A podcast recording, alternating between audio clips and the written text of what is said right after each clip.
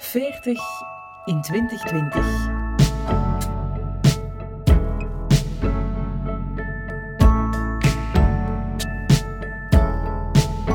Ik ben Lotte, ik ben 40 en ik ben moeder. Acht maanden geleden, net na mijn bevalling, waarschuwden andere ouders me dat mijn naam vanaf nu vervangen zal worden door Mama van Nizar. Gelukkig heb ik tot op nu nog altijd het gevoel dat ik gewoon Lotte ben, maar ook dat mijn persoonlijkheid met een waaier aan moedergevoelens is uitgebreid. En dan maai mijn hart als Nizar nu zegt: Mama. Ik merk dat ik door het moederschap meer nadenk over de toekomst, maar ook dat dat hele coronagedoe me doet stilstaan bij die toekomst en bij mijn plannen als ondernemer. Samen met Nizar en met mijn man Rashid zweet ik de coronacrisis uit in Marrakesh. Van hieruit maak ik deze podcast met mijn leeftijdsgenoten. Dit is 40 in 2020.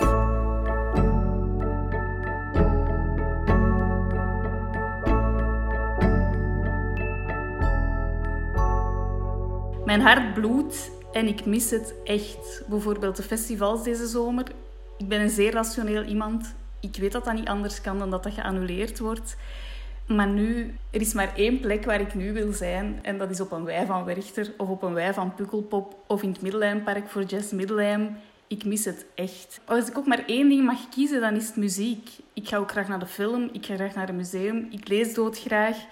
Maar als ze zeggen van, we pakken nu alles af van cultuur, maar er is nog één segment dat je mag overhouden, ja, dan is dat muziek. Ik, ik kan geen leven hebben zonder muziek. Mijn vriend zegt dat ook altijd van, oh, allee, dat is hier nooit stil. Er staat altijd een radio op, of, of Spotify, of een plaat, of ik... Stilte. Ik heb nu tijdens de lockdown wel af en toe geprobeerd en kan er echt van genieten. Maar eigenlijk het eerste wat ik doe wanneer ik opsta, is, is de radio opzetten. Dit is Ellen Marevoet. Sinds 29 juli is ze 40 in 2020. Ellen werkt ondertussen 15 jaar voor VRT Nieuws en als journalist is cultuur steeds haar focus. De jaren dat we allebei in Brussel woonden, waren we een hele tijd buurvrouwen. En ook elkaars concertpartners. Want het aantal keer dat we samen in de AB of in een andere Brusselse zaal van muziek genoten, dat is ontelbaar. Lotte Bazaar. Bas ah, ja. ja! Jij was echt zo degene, toen je nog bij FM Brussel werkte. Oké, ik, ik volg dat zelf ook allemaal heel hard, muziek. En ik wist heel goed waar ik zelf naartoe ging.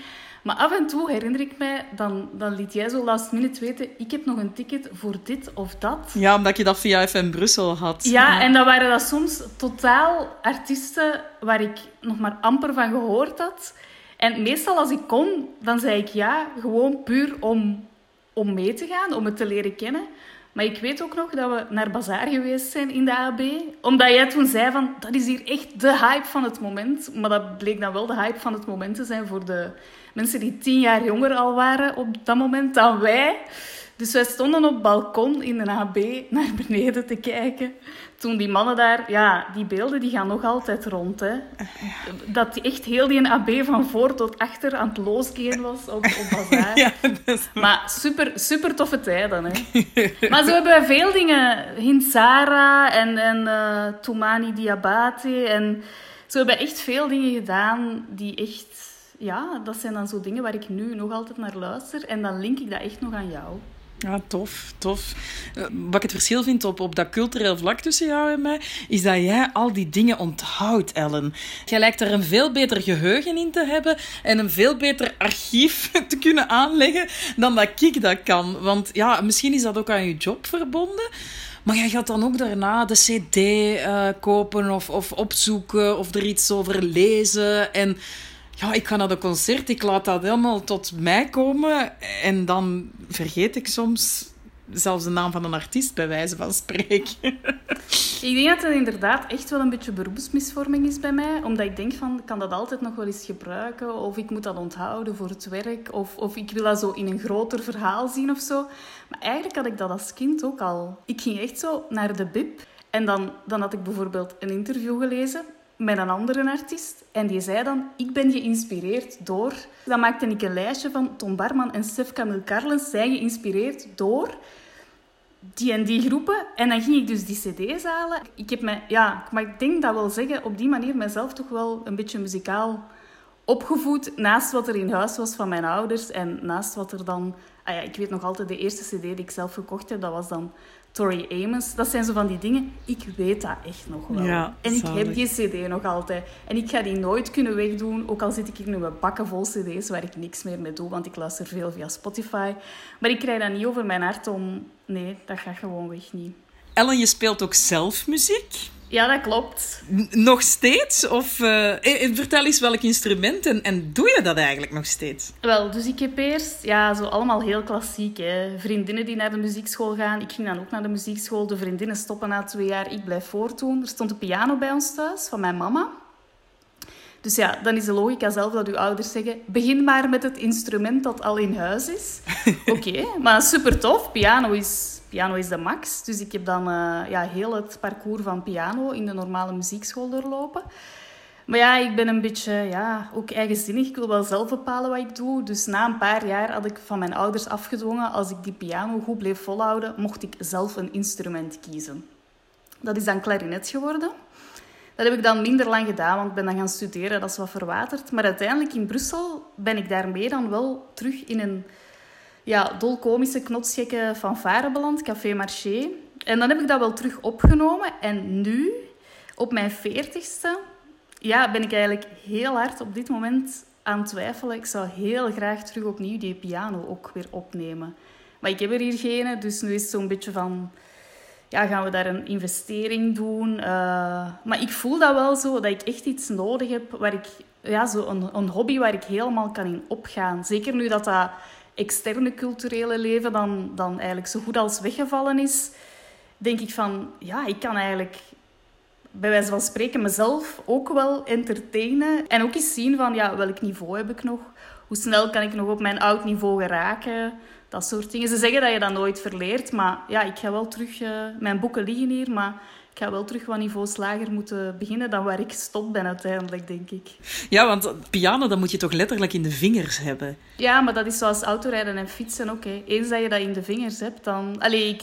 we zijn al in één winkel geweest en ik kan natuurlijk niks meer van buiten of zo, maar als je zo de aanraking voelt met die toetsen, ja, dat is ook wel een soort van thuiskomen of zo. Ja, maar het zou tof zijn. Uh, Ellen aan de piano terug. Ik heb, u, ik heb u nooit piano zien of horen spelen, maar wel klarinet uh, horen en zien spelen in Café Marché. Ja, maar ja. die piano is ook al twintig jaar geleden eigenlijk. Ik ben ermee gestopt toen ik op kot ging, om evidente redenen. Ja, een piano pak je niet zomaar mee. Ja, het is ja. eigenlijk echt iets super recent. Laat ons zeggen dat het een primeur is. een primeur, onmiddellijk bij het begin van aflevering 4.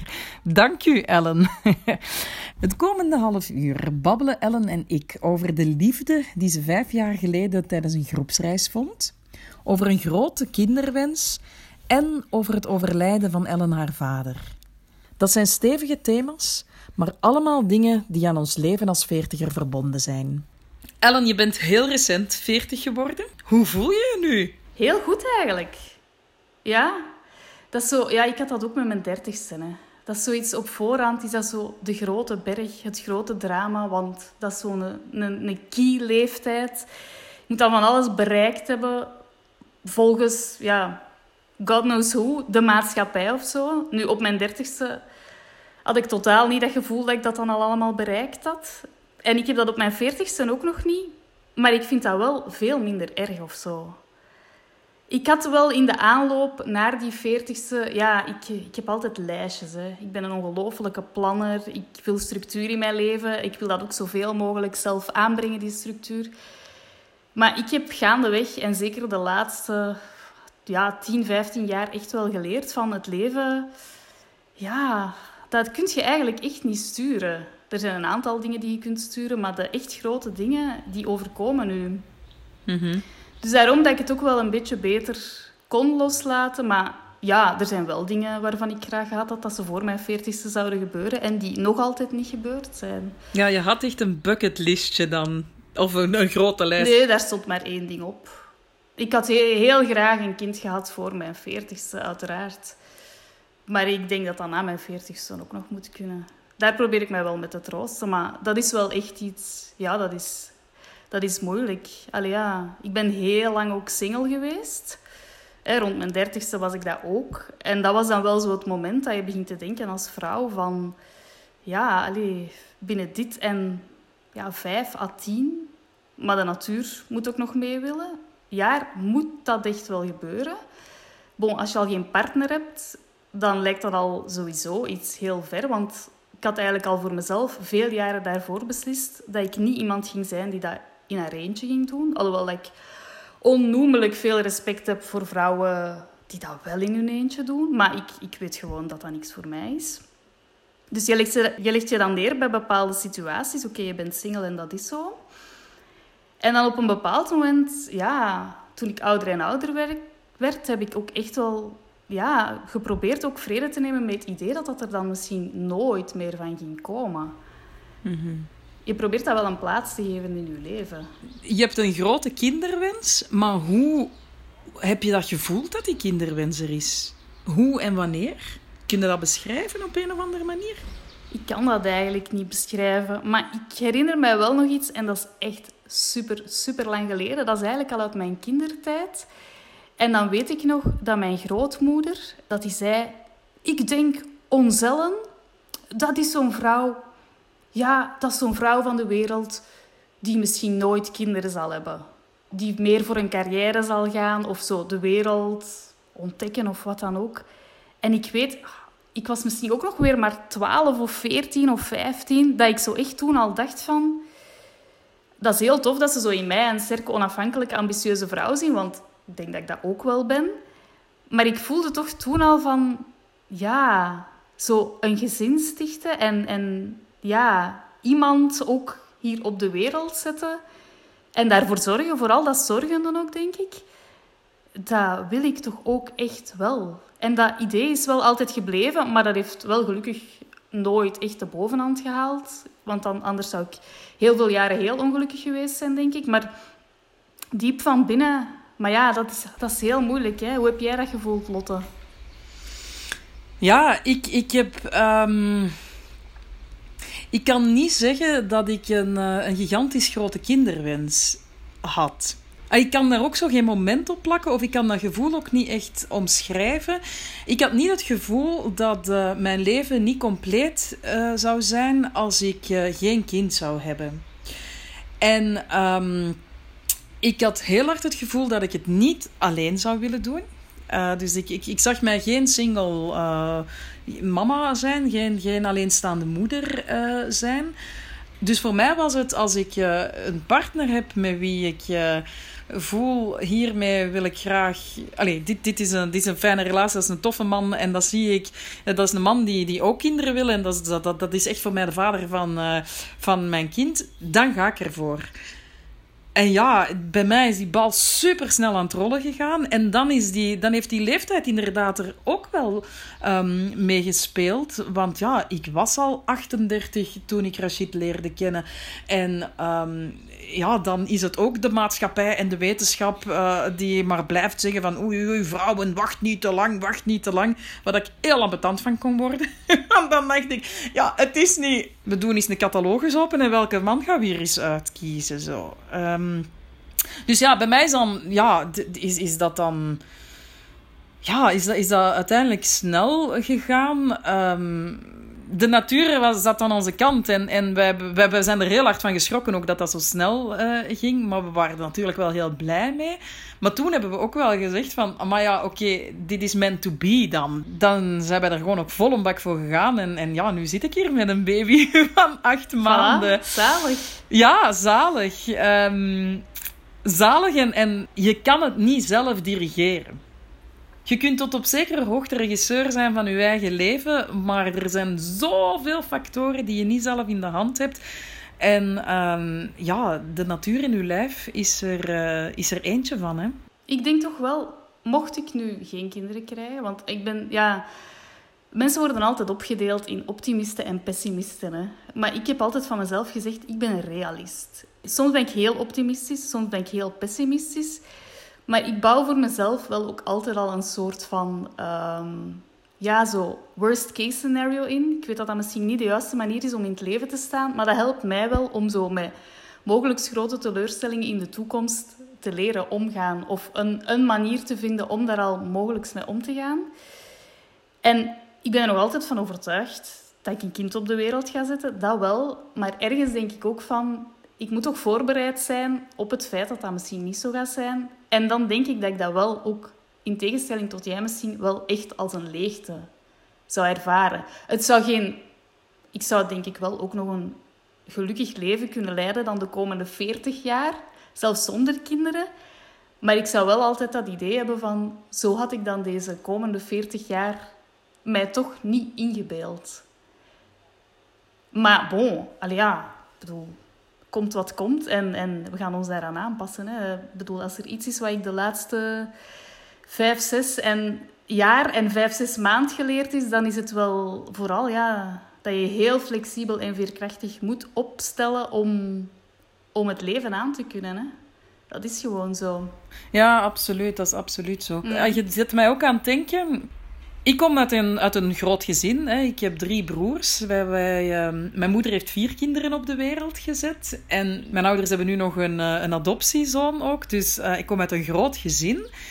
Um, en voor mij was denk ik altijd een evidentie dat ik moeder zou worden omdat, ik dat, omdat dat mijn kader was. Allee, ik bedoel, dat ik, ik, ik, heb altijd uh, mensen rondom mij gehad. Ik heb, ben altijd in een, in een familieverband geweest, zou ik maar zeggen. Um, ik ben dan uh, ik ben jong getrouwd. Ik ben, uh, op mijn 24ste ben ik getrouwd.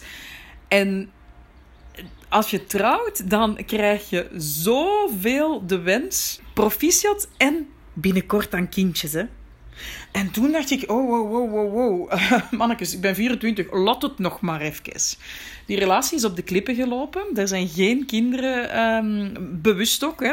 Voor mij was dat ook een heel bewuste keuze om, om in het begin van die relatie niet voor kinderen te gaan. Misschien later in de relatie wel, maar die relatie is op de klippen gelopen. Ik ben dus gescheiden. En ik was op mijn eh, dertigste een gescheiden single vrouw. En toen ik dertig werd, is bij mij het besef gekomen: ah, ik ga misschien nooit kinderen hebben. En dat was geen intrist gevoel of zo, maar dat was wel een realistisch gevoel van: ah ja, het zou wel eens kunnen dat ik een leven ga hebben zonder moeder te zijn. En vind ik dat erg? Uh, nee, ik denk het niet. Want ik leid eigenlijk wel een kei cool en tof leven. En ik, heb, ik, ik, voelde mij ook echt wel goed op mijn dertigste. Maar toen is bij mij wel um, dat besef gekomen dat niet elke vrouw moeder wordt. En dat is misschien keihard onnozel dat ik dat zo zeg. Want ja, tuurlijk kende ik op mijn dertigste ook al vrouwen van 40, 50, 60 die uh, geen uh, moeder zijn. Maar op, op mijn dertigste is dat besef gekomen dat ik misschien ook zo'n vrouw zou zijn die geen uh, moeder zou worden. Ik heb er niet naar gezocht of zo. Maar het is dan na acht, negen jaar pas, dat de puzzelstukjes dan zo zijn gevallen dat ik uiteindelijk um, de man heb ontmoet met wie ik uiteindelijk nu een zoon heb.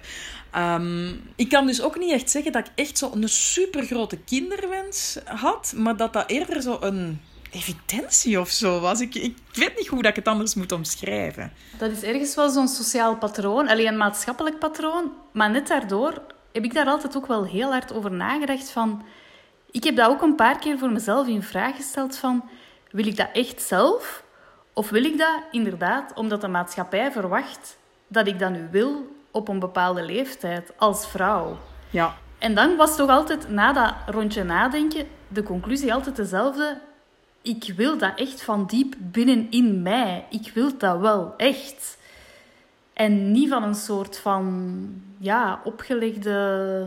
Maar voor mij is het inderdaad ook wel... Ik ben daar dan inderdaad vrij traditioneel in. Van zoals jij zegt, van ja, met de juiste man op het juiste moment. En, en, en met iemand van wie je denkt van ja, we gaan, daar, we gaan een tof gezin vormen. Ja. En die man, die heb je gevonden, Ellen? Ik heb hem uiteindelijk gevonden, ja. op een moment, op een moment waarop, waarop ik het totaal niet meer verwachtte. Vertel eens, Dante is uw lief en um, ik herinner mij nog wanneer dat je hem ontmoet hebt. Maar vertel jij het maar. ja, ik, ik, moet toch in het begin dan beginnen, denk ik. Um, dat was in 2015. 2015 was ja, een heel moeilijk jaar voor mij. 2014 eigenlijk ook al. Omdat uh, ja, toen mijn papa dus uh, de diagnose van longvlieskanker gekregen heeft. Ik vind toch persoonlijk een van de meest pijnlijke kankerdiagnoses, omdat dat sowieso zeker is dat dat enkel maar tot de dood kan leiden. Omdat dat dus een, ja, dat is een van de weinige ongeneeslijke kankers die veroorzaakt worden door asbest. Dus ja, 2014 was al heel moeilijk, want dat was het jaar waarin hij ziek was. En dan begin 2015 is hij overleden. Hij heeft daar ook zelf voor gekozen, voor zijn moment. Hij heeft om euthanasie gevraagd, wat ik nog altijd... Ja, ik krijg daar nog altijd kippenvel van. Ik vond dat zo'n moedige beslissing van hem. En ik was, ik was echt zo fier op mijn papa. Dan je zegt van, je kan niet de regie van je leven in handen nemen. Maar daar heeft hij dus wel de regie van zijn leven in handen genomen. En ja, dat is enorm moeilijk voor de omgeving. Maar ik vond dat knap, ik vond dat indrukwekkend, ik vond dat ongelooflijk dat je zelf beslist van kijk, mijn lijden, ik ga zelf beslissen wanneer dat, dat stopt. Jullie waren daar ook heel sterk als gezin, denk ik. Hè? Jij, je mama en je zus, ja. Ehm, met je papa dan natuurlijk. Ja, dat is echt zo. Want ja, uiteindelijk, ja, je moet dat dan bespreken met je familie. En eigenlijk vanaf het moment dat hij de diagnose gekregen heeft, was dat denk ik in mijn herinnering een van de eerste dingen die hij gezegd heeft van ik ga die papieren in orde brengen bij mijn huisarts. En ja, bedoel, zelfs al is, al is een kanker ja, ongeneeslijk... De prognose voor die kanker is nu echt ook maar meestal één, maximum twee jaar. Maar je wilt toch niet denken van dat dat echt zo gaat zijn. Dus je wilt daar nog een soort van toekomstbeeld in zien. En hij had al meteen zoiets van ik ga dat hier allemaal in orde brengen hè, en dan, dan zijn we daar toch al vanaf en dan ga ik daar rust in vinden. Oké, dat is één ding, maar dan komt dat op het punt dat, dat hij dat terug zegt, dat hij dat echt wilt. Dus dat in theorie aanvaarden van hij kiest voor euthanasie, wauw, cool, echt, amai, sterk. Maar dan het moment waarop hij zegt van, ja mannetjes, uh, dus graag binnen dit en tien dagen of ja, toen was hij wel al veel slechter natuurlijk. Dus we zagen ook zelf wel dat, dat, dat er weinig andere opties nog waren. Ja, dan, dan word je verscheurd door je emotie van... Je wilt absoluut niet je ouder afgeven. Maar je ratio zegt van... Ja, kijk, dit is wat hij gekozen heeft. Hier had je een jaar geleden ongelooflijk veel respect voor. Hier moet je nu dus ook ongelooflijk veel respect voor hebben. En dit moet je waardig dragen, want dit is zijn keuze. Mm maar natuurlijk, ja, allee, It Breaks Your Heart komt nog niet in de buurt van wat je dan allee, ja, voelt als, als dochters en ook voor mijn moeder. Maar dan ook, daartegenover staat meteen dat je dan denkt van ja, die laatste week die moet echt ja, knallen. Dat kon in, in dat, in, op dat moment niet meer, maar dan wil je er zoveel mogelijk bij zijn. Allee, ik, ik heb die laatste week terug ja, thuis gewoond, eigenlijk, om het zo te zeggen. Ik vond dat eigenlijk ook een enorm voorrecht wij zijn niet gepakt door de dood of zo. Ik heb eigenlijk een jaar kunnen afscheid nemen. En ook in die laatste week, ja, je kan daar naartoe leven of zoiets. Allee, dat klinkt heel fout, want dat, dat is een te positief woord. Maar dan kun je dat wel terug wat beginnen regisseren. En dan kun je dat wel...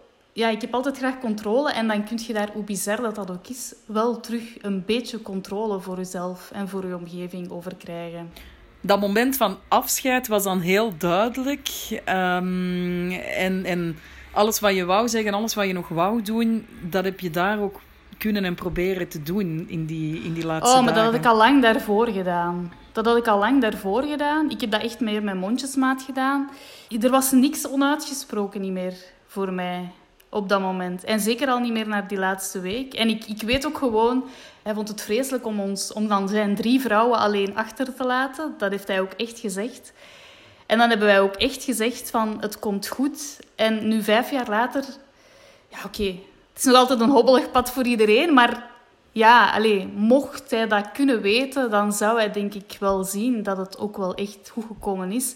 En met, met dat gevoel hebben wij hem ook proberen te laten gaan. Dat is, dat is echt een van de laatste dingen dat ik tegen hem gezegd heb van... Wij gaan hier voor elkaar zorgen en het komt goed. En, en, en wij zijn, vooral ook, wij zijn zo fier op u. Dat is een van de laatste dingen dat ik tegen hem gezegd heb van... Ja, zo...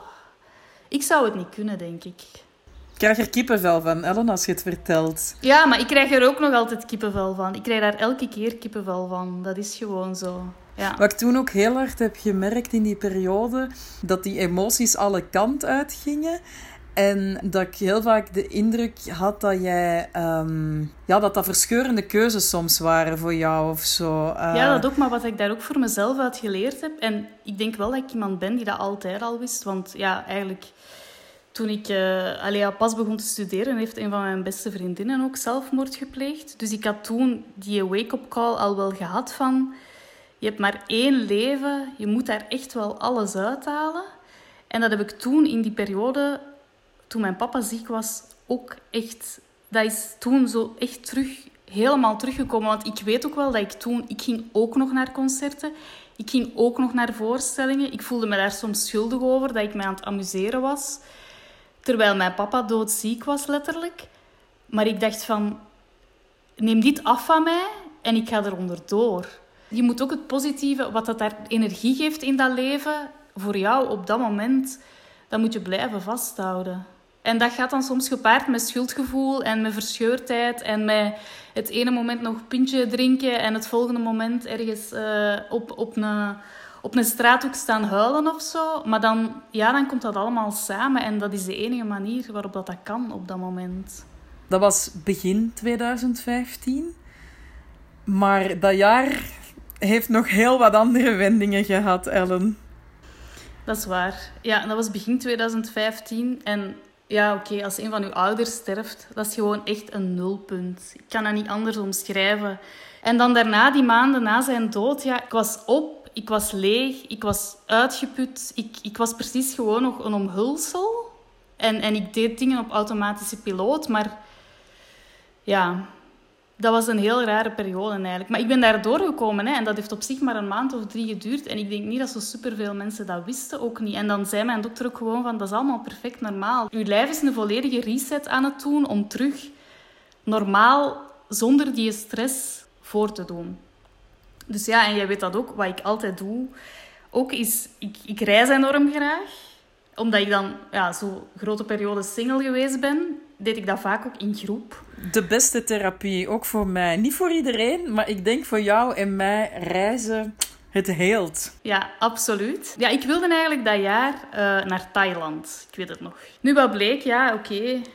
Ik kon niet meer bij die reis, bij die groepsreis, want die zat net vol. Wat lag er in de buurt? Vietnam. Dit is het. Ik ga dit najaar naar Vietnam. Dat was een hele toffe groep. En eh, ja, daar was ook iemand bij. Dat was al bij de startvergadering duidelijk.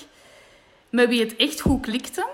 Ik weet nog, ik ben achteraf bij mijn zus gekomen en mijn zus zegt nu altijd van... Ja, ja, toen was al het moment waarop... Ik zeg nee, toen was niet het moment waarop... Maar toen was wel het moment waarop ik gezegd heb van... Er was daar een kerel bij, die heet Dante. En ik weet nu al dat ik mij daar heel goed mee ga amuseren.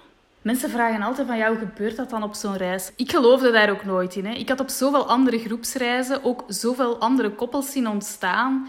Daar wordt altijd zo wat lacherig over gedaan. Ook zo mensen die op reis gaan, op groepsreis, om een lief te vinden. Maar hoe groot is de kans, hoe groot is de kans dat de man van je leven in dezelfde groep zit als jij op zo'n groepsreis? Hoe groot is de kans dat hij dan ook net dat jaar naar Vietnam wil? Allee, ik geloofde daar allemaal totaal niet in. Dat was ook totaal de reden niet waarom ik op groepsreizen ging. Allee, anders zou het wel, wel een zielige zaak geweest zijn dat het dan die negen keer daarvoor of zo nooit gelukt was. Allee, ik bedoel, echt...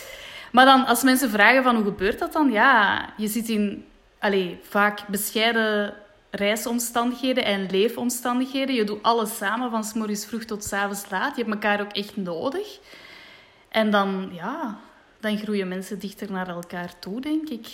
En dan leer je elkaar op heel korte tijd ook heel goed kennen. Dus tegen het einde van die reis, ja, maar was er eigenlijk nog niks gebeurd. Maar dan dacht ik wel van, oké, dit is gewoon een persoon waarvan ik wil dat die in mijn leven blijft. Dat was, allee, ja, net zoals met die kinderwens, dat is dan zo'n sterk buikgevoel. En ik had op dat moment zoiets van, ja, ik ben 35. Allee, ik, ik ga er gewoon voor. Je hebt Dante daar dus leren kennen. Een beetje later is jullie relatie gestart. Ja, hij woonde in Antwerpen, ik woonde in Brussel. Dus dat was, ik was daar echt pist over. Hè. ik dacht, ja, kijk, de man van mijn leven, nu is dat een van Antwerpen. Dus ja, in mijn praktische zelf voorzag al meteen heel wat problemen natuurlijk.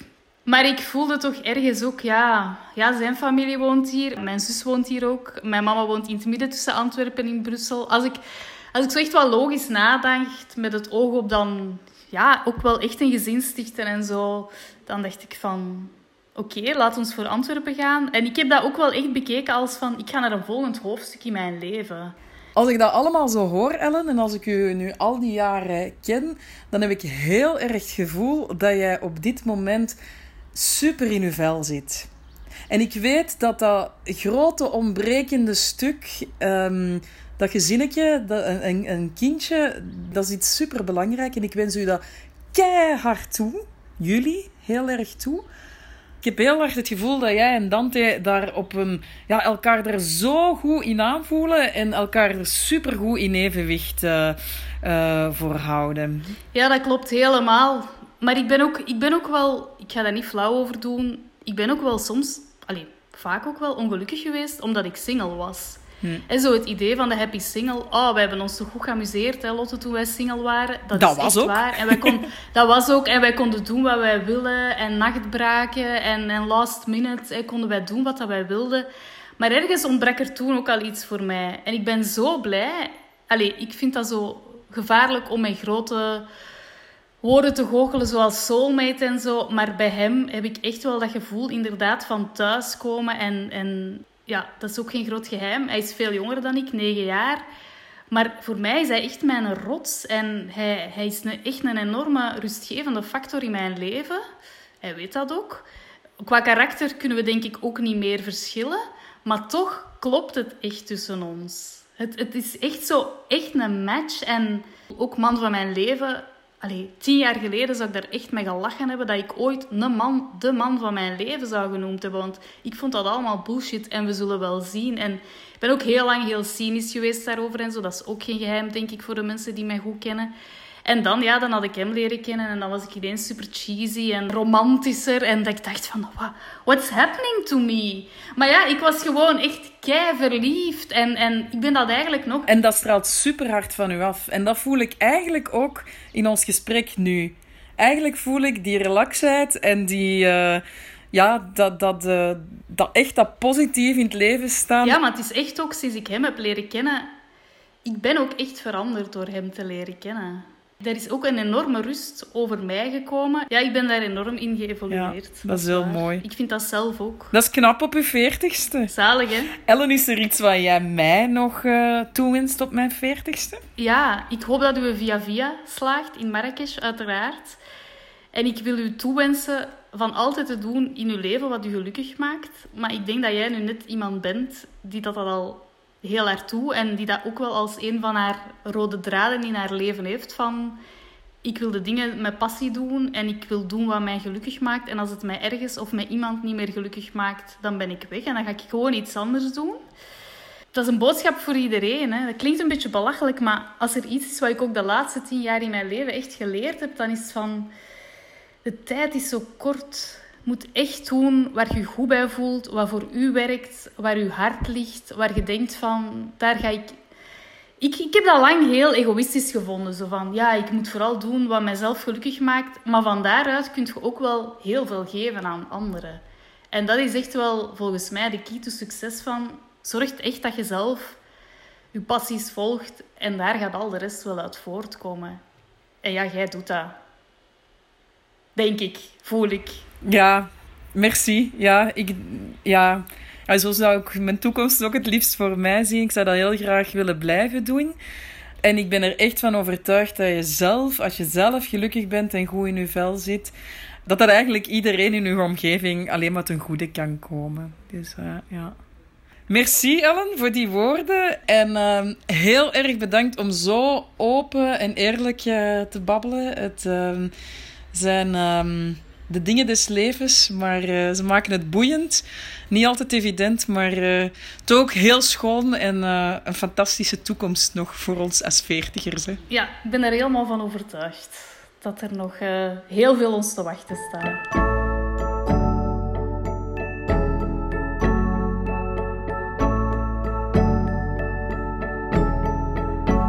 Dit was 40 in 2020. Laat me gerust weten wat je ervan vond. Dat kan bijvoorbeeld via een berichtje op de Instagram of Facebookpagina van 40 in 2020 of via een review in je podcast-app.